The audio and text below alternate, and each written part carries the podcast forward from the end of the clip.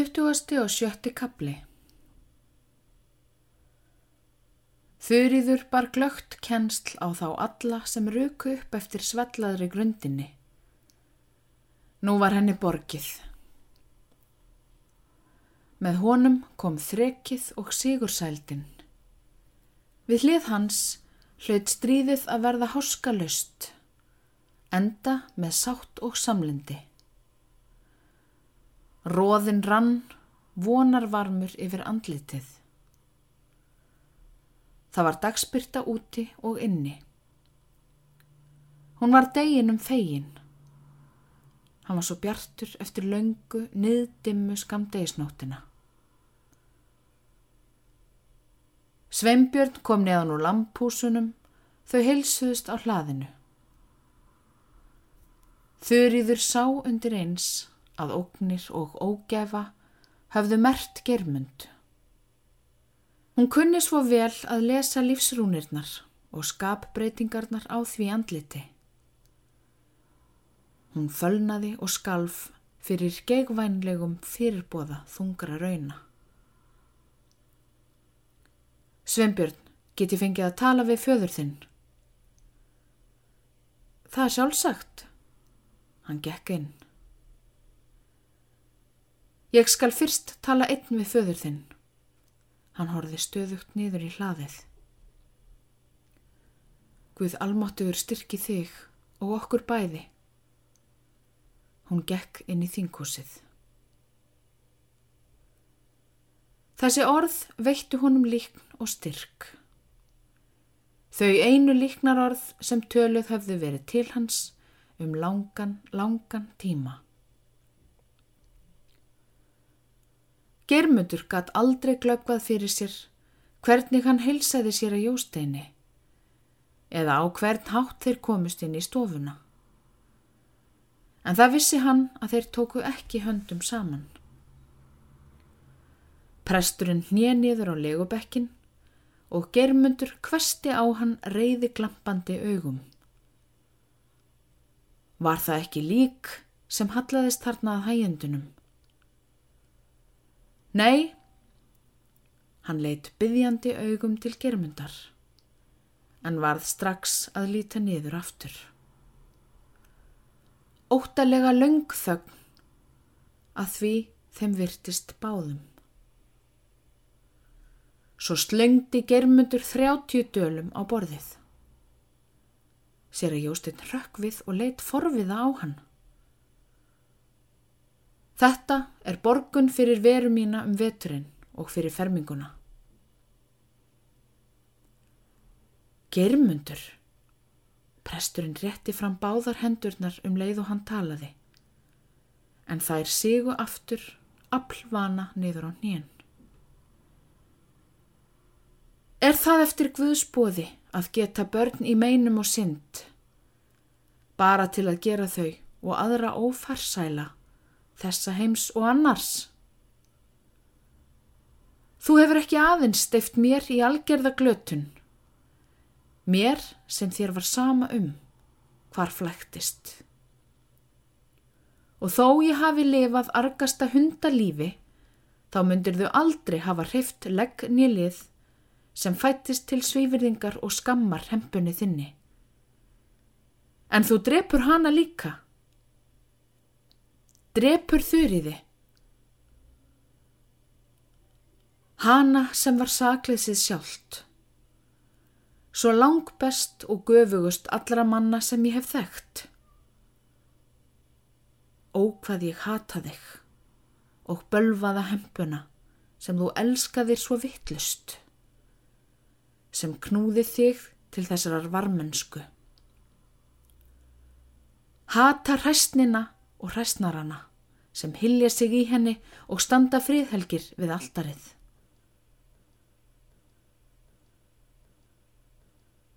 Germutur þagnaði. Honum láfið andköfum, stóð dökkurauður og þrútin með leftrandi augun sem þrótlust störðu á kvíta öldungshöfuðið. Sér að Jósteinn leitt upp rétti sig í sætinu og lifnaði allur við. Heift germundar kvatti hann til varnar, vakti lífstróttin og metnaðinn af dvalanum. Guð einn veit hvað ég hef liðið, fyrr og síðar, fyrir yfirsjón mína og brott. En þú ekki. Í gær og nótt og í morgun hef ég kvalist og grátið blóðugum yðrunar tárum. Ég elskaði fyrir þið heitast allra minna barna og ég veit hvernig hún elskar. Mér þótti líka vænt um þig, sonur minn, þó ég þyrði ekkert að segja eða gera fyrir þig.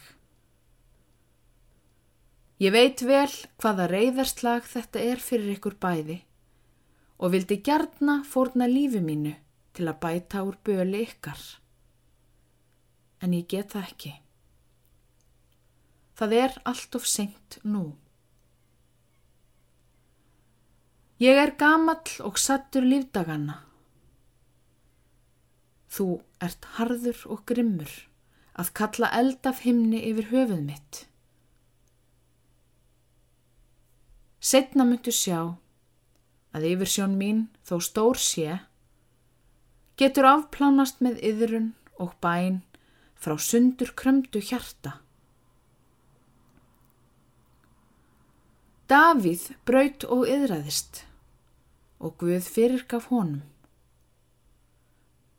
Guð er miskunnsamur og fyrir Jésu dýra dreira má hver og einn syndari sem yðrun gerir, vona fyrirgefningar og friðar á himnum.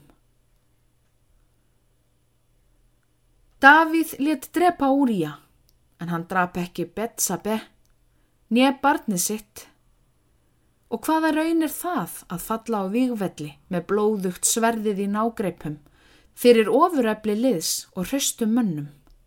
Geta sínt karlmösku sína. Frjáls og síkn í orustunni. Hvað er það á móti því að vera stiktur svona hægt og hægt? Brendur til döðs. Fella sektina svona sjálfan sig. Og hún hún sem var betri en allir aðrir. Fyrir böl hennar og píslir hata ég þig og krefst dóms yfir þér. Dómurinn heyrir drottni til og prestunum drottni til og þó þú sért blindur af sorg og gremju nú Þá munu þeir dagar koma að þú trúir mér til þess að ég unni þér líka eins og hinum börnunum. En var rígbundin af stöðuminni og hlaut að þeia. Ég vildi gerðnan verða þér að liði og sá með gleði að þú myndir verða nýttja maður. Hjælt stundum að móðir þín hefði sagt þér launungarmálið. Þessi sorg datt mér aldrei til hugar, að það erði farið svona á bakvið mig. Grunaði mig ekkert um. En allt fór svona, svona dauðans hryggilega. Mín gráu hár leggjast með sorg í gröfina. Þú ætlar að fara áfella aðra og þvó söyrin af þínum eigin höndum. Þá þarf þetta tal ekki að verða öllu lengra. Ég þóli það ekki.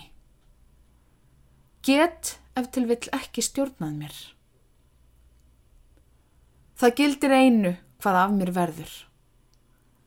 En fyrir hennar hönd krefst ég þess að þú viðurkennir mig fyrir sveimbyrni og marju.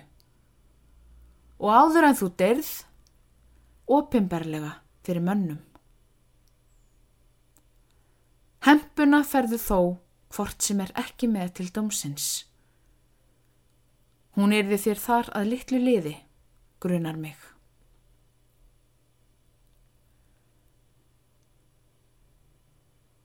Fyrir þeim get ég gert það og skal gera það strax.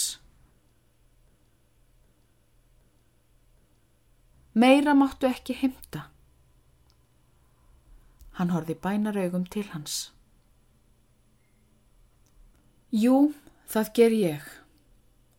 Ef þú ekki lofar því, ger ég það sjálfur. Og af mér en ekki þér skal þurriður fretta þessi sorgartíðindi. Ég geng þessi þungu spór, en þú talar við þau hinn á meðan. Germundur vertu mildari þá en þú ert núna. Mildi, kendu sjálfum þér veginn fyrst og svo öðrum en ekki öfugt eins og verið hefur. Þylið skalvið er hurðin fjall aftur. En þegar germundur kom fram í dyrnar, kvarf bræðin og gremjan. Nú var það aðeins sorg og söknuður sem bjó í brjósti hans. Hann klappaði hægt á þinghúshurðina. Þurriður gekk fram að dyrunum og opnaði. Þá snýri hann við og fór þegjandi á undan upp á stofu loft. Og inn á herbyggi þar. Hún fyldist með.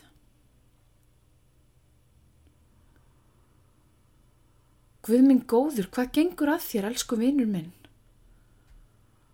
Hann setti hann á rúmið og settist sjálfur á stól rétt hjá henni. Það, það, þú sem hefur frelsað mig, vakið hjá mér lífstrekk og mannrænu, sem ég elska með heilagri virðingu. Ó, þurriður. Við erum sískinn. Hann greip báðar hendur hennar óafvitandi og hjælt þeim í lofum sér. Þurriður starði beint framann í hann. Trúði og skinjaði þó ekki. Fann að fullvissan og sannendin slitu hann að sundur og gatt kvorki játað ný skilið þau. Hún var náföl og stráið sem vindsvalin sveipaði með svellaðri rúðunni var ekki framar einmanna nýja þreklamað en hún.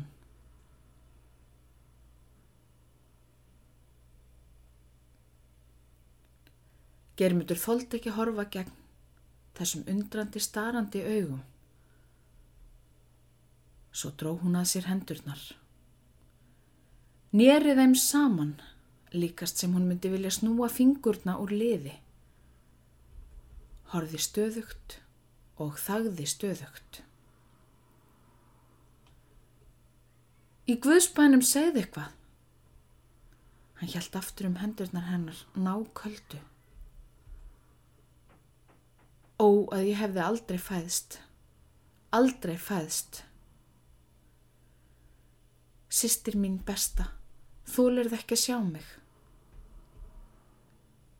Þegar hann nefndi sistur, fór titrandi um hana alla og augun half lukust. Jú, bróðir minn, en þú hefur lesið dauðadóm okkar begja. Ég vildi við kvíldum bæði í gröfinni. Geirmundur dró yfir sangina til í rúminu og sveipaði henni utanum þurriði. Vermdi hendurnar og hlúði sem best og nákvæmast að henni. Hún let hann öllur á það. Var eins og sjúkt barn. Eftir litla stund leit hún upp aftur og sá tárin rökkva niður kinnarnar á honum. Þá náði hún líka grátinum. Skömmu síðar risti hún höfuðið frá brjósti hans, tók klútin af borðinu og fór að þurka sér. Í Guðs nafni skulum við nú bæði reyna still okkur. Vertu varkár og stiltur, hjartans sorgarbróðir minn. Reynstu nú þólinn og hraustur, eins og gísli var. Uppáhaldsmaðurinn okkar begja.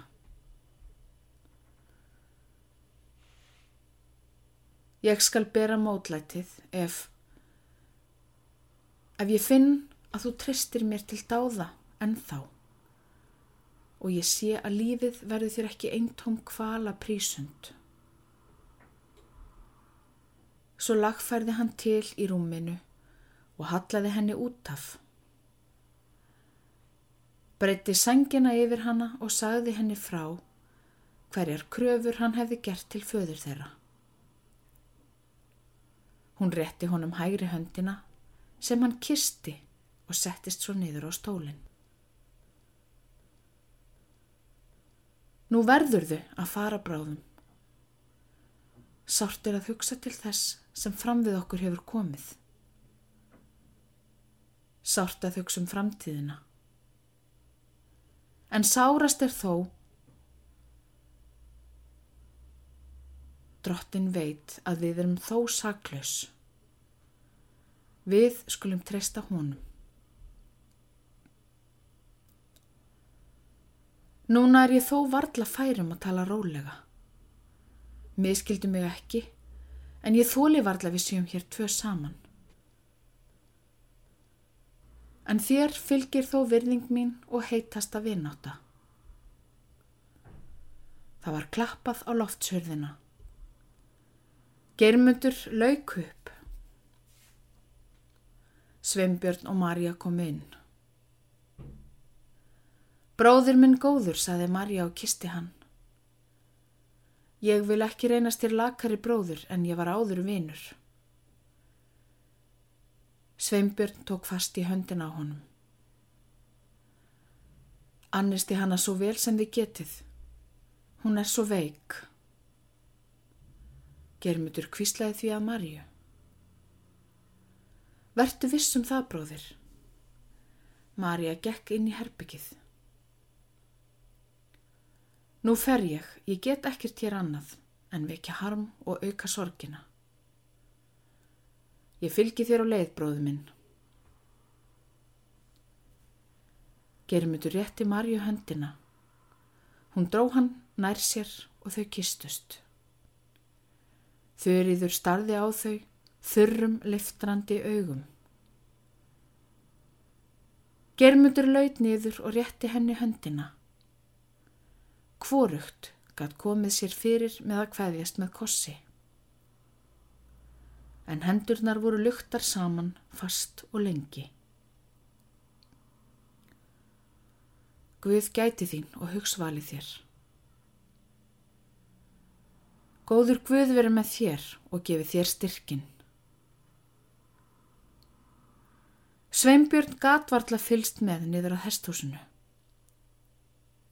Þeir söðluðu hestana og riðu báðir yfir að breyðholti. Sveinbjörn tafði þar fram í myrkur.